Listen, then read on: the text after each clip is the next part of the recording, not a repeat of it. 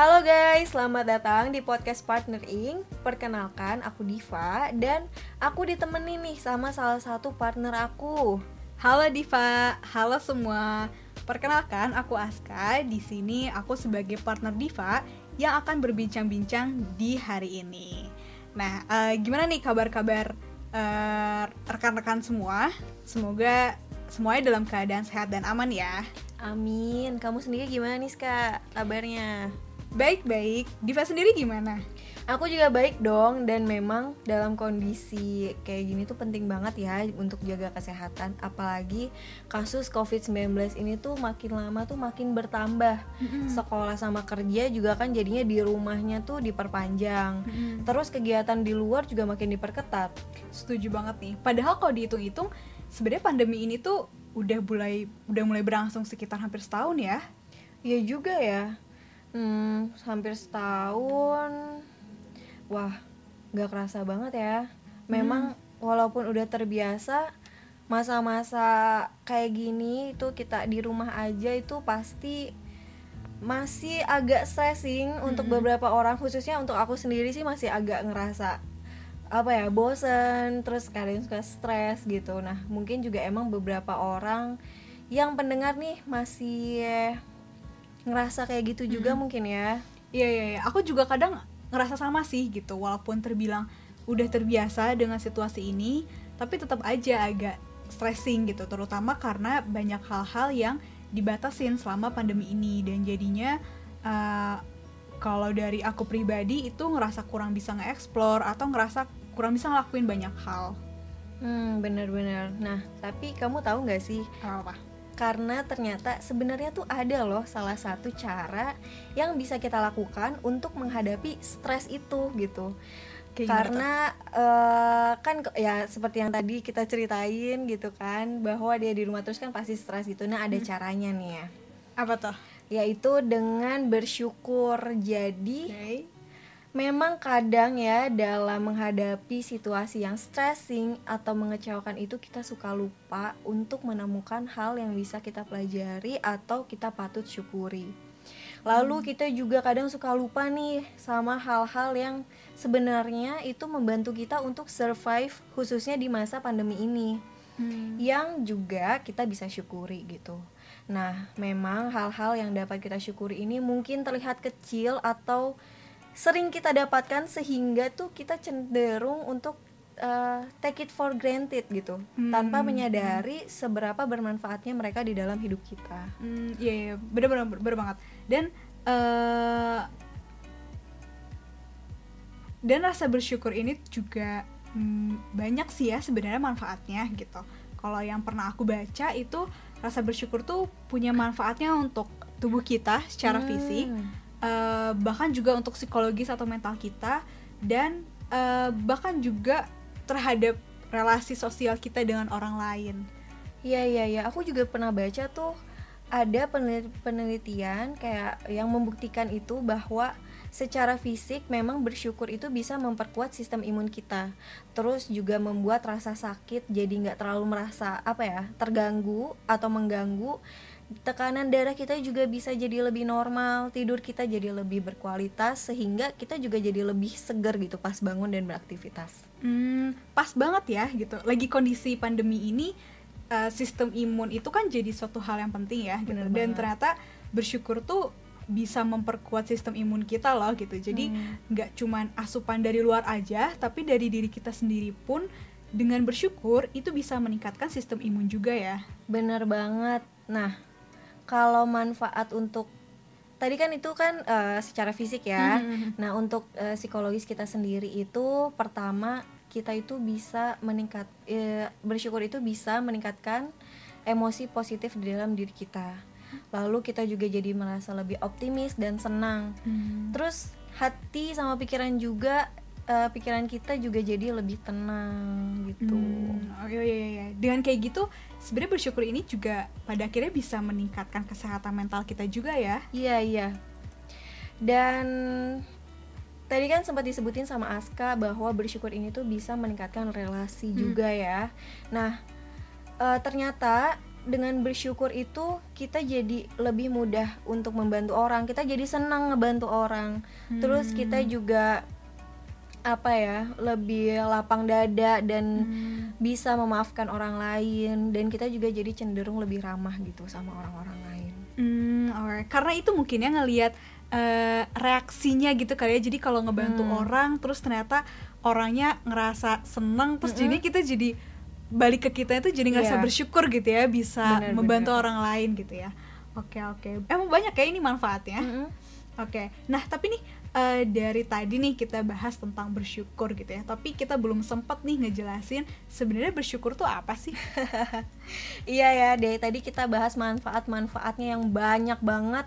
Tapi kita belum bahas juga nih sebenarnya apa sih bersyukur itu. Aska bisa jelasin nggak? Oke. Okay.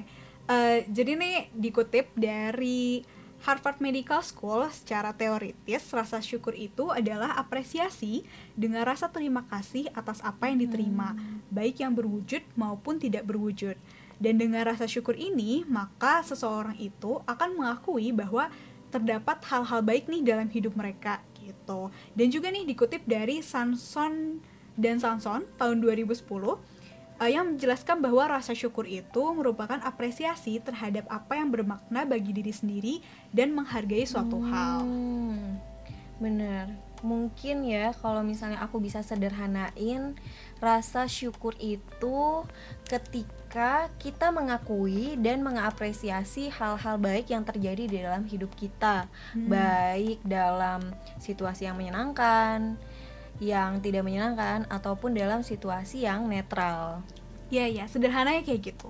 Nah, mungkin untuk lebih konkretnya lagi, uh, sebenarnya ada juga nih ciri-ciri uh, yang menunjukkan orang bersyukur itu seperti apa. Ciri-ciri hmm. ini dikemukakan oleh berbagai ahli. Okay. Uh, pertama, orang bersyukur itu dalam kehidupan sehari-harinya akan merasa bahwa hidup ini tuh adil. Dalam artian, hmm.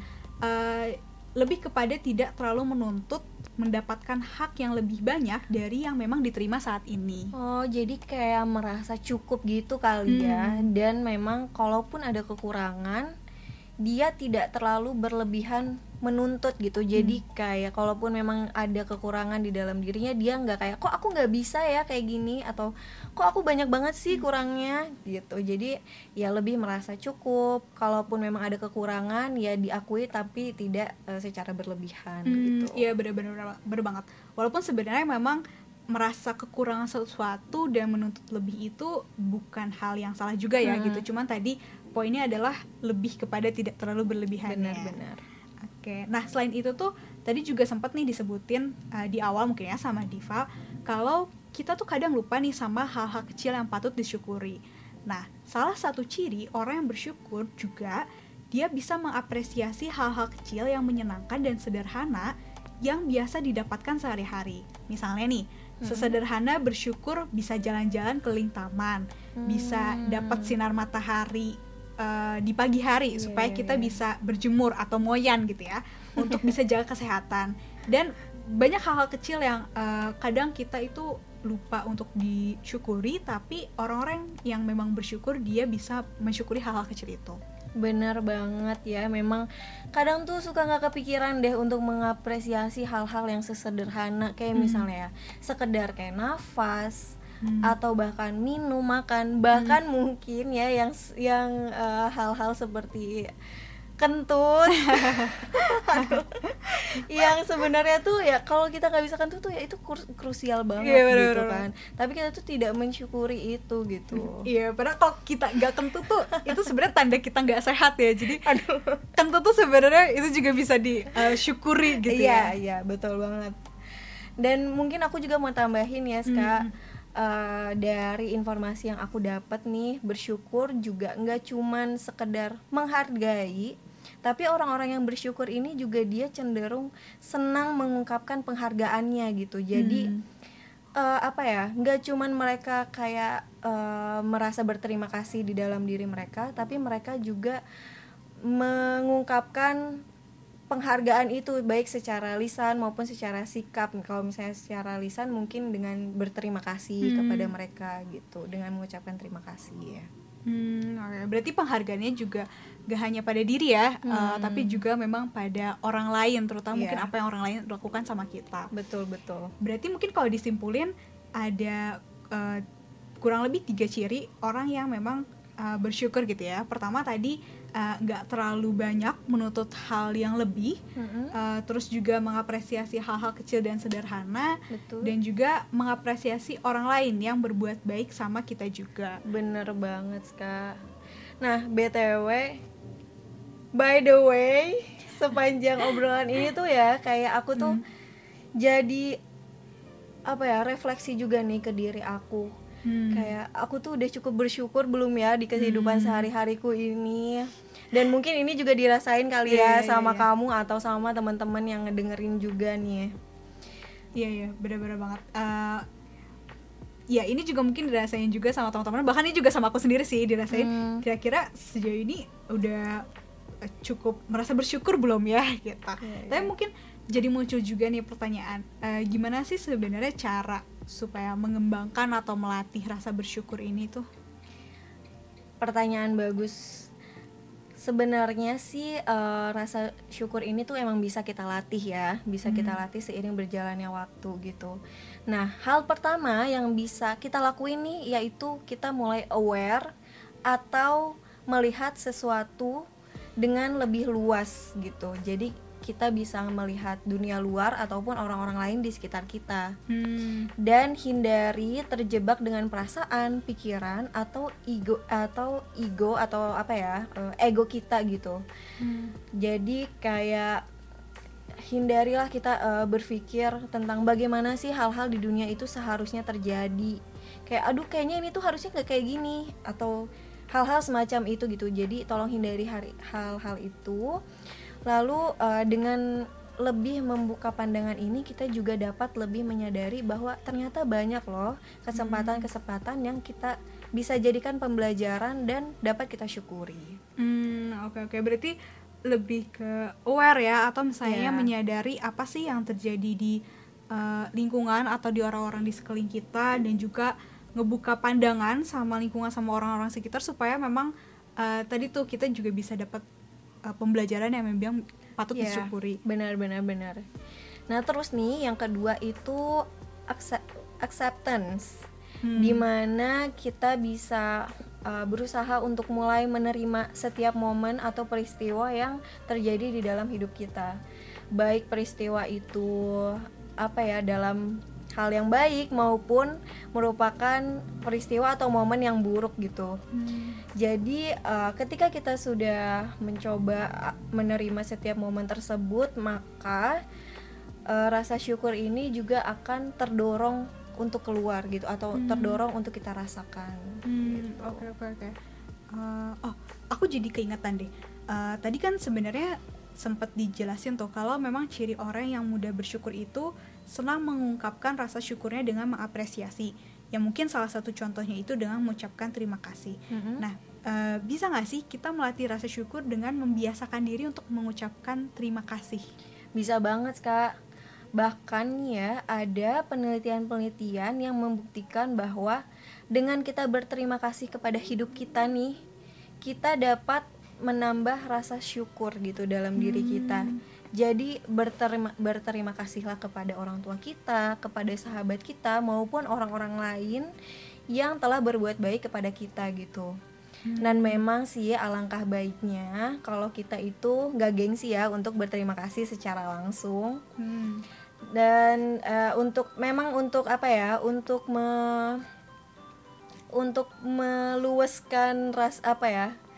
Uh, agar lebih luas gitu ya me berterima kasih secara langsung atau secara lisan atau secara langsung kepada orang itu tuh emang harus dibiasain gitu cuman sebenarnya ada juga loh hal lain nih yang hmm. bisa jadi opsi kalau misalnya teman-teman yang denger ini masih gengsi-gengsi aduh aku malu nih mau berterima kasihnya ada juga hal lain yang bisa dilakuin yaitu membuat gratitude journal ah. di mana kita itu bisa menuliskan hal-hal yang kita syukuri setiap harinya.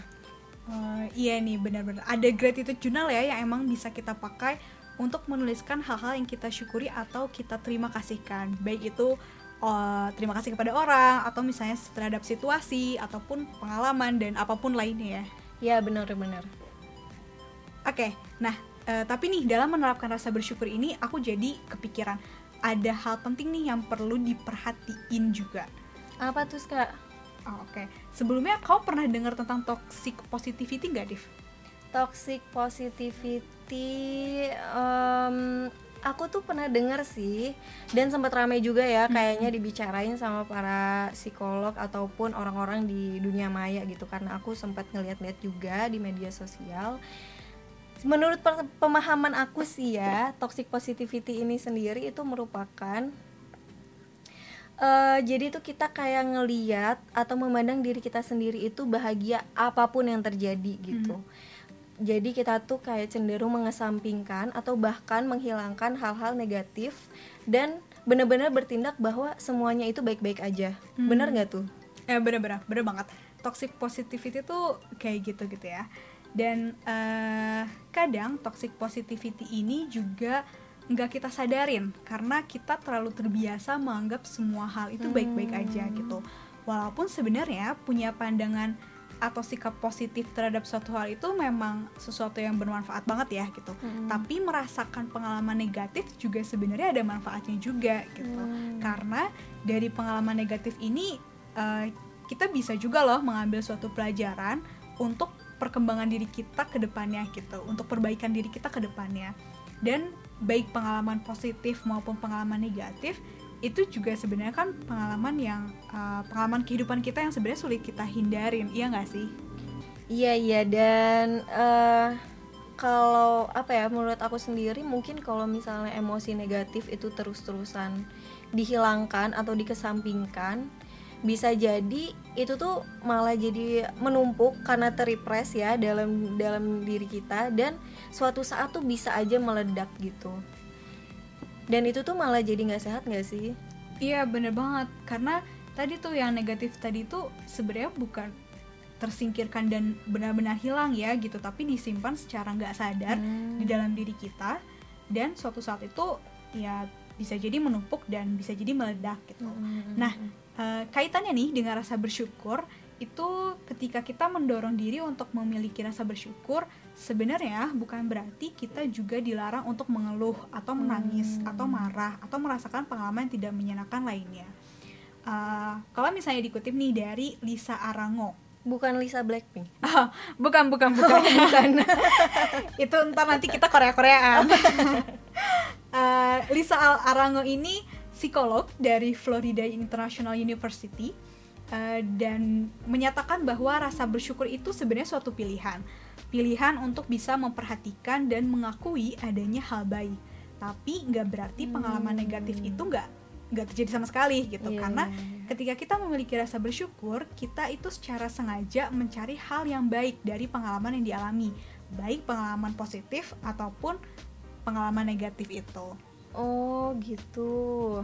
Jadi uh, mungkin mungkin kalau misalnya aku bisa tarik jadi kayak meskipun kita banyak bersyukur tapi ya kita jangan terburu-buru juga gitu sampai mengesampingkan pengalaman negatif demi hmm. menganggap semuanya tuh positif atau semuanya tuh baik-baik aja gitu. Yep. Jadi supaya kita juga nggak malah terjebak dari di apa ya? Bukannya kita jadi bersyukur atau kita melatih rasa syukur tapi kita juga malah jadi terjebak di toxic positivity gitu. Yeah, Jangan yeah. sampai kayak gitu. Iya, yeah, benar-benar benar banget. Wah, seru banget sih obrolan hari ini.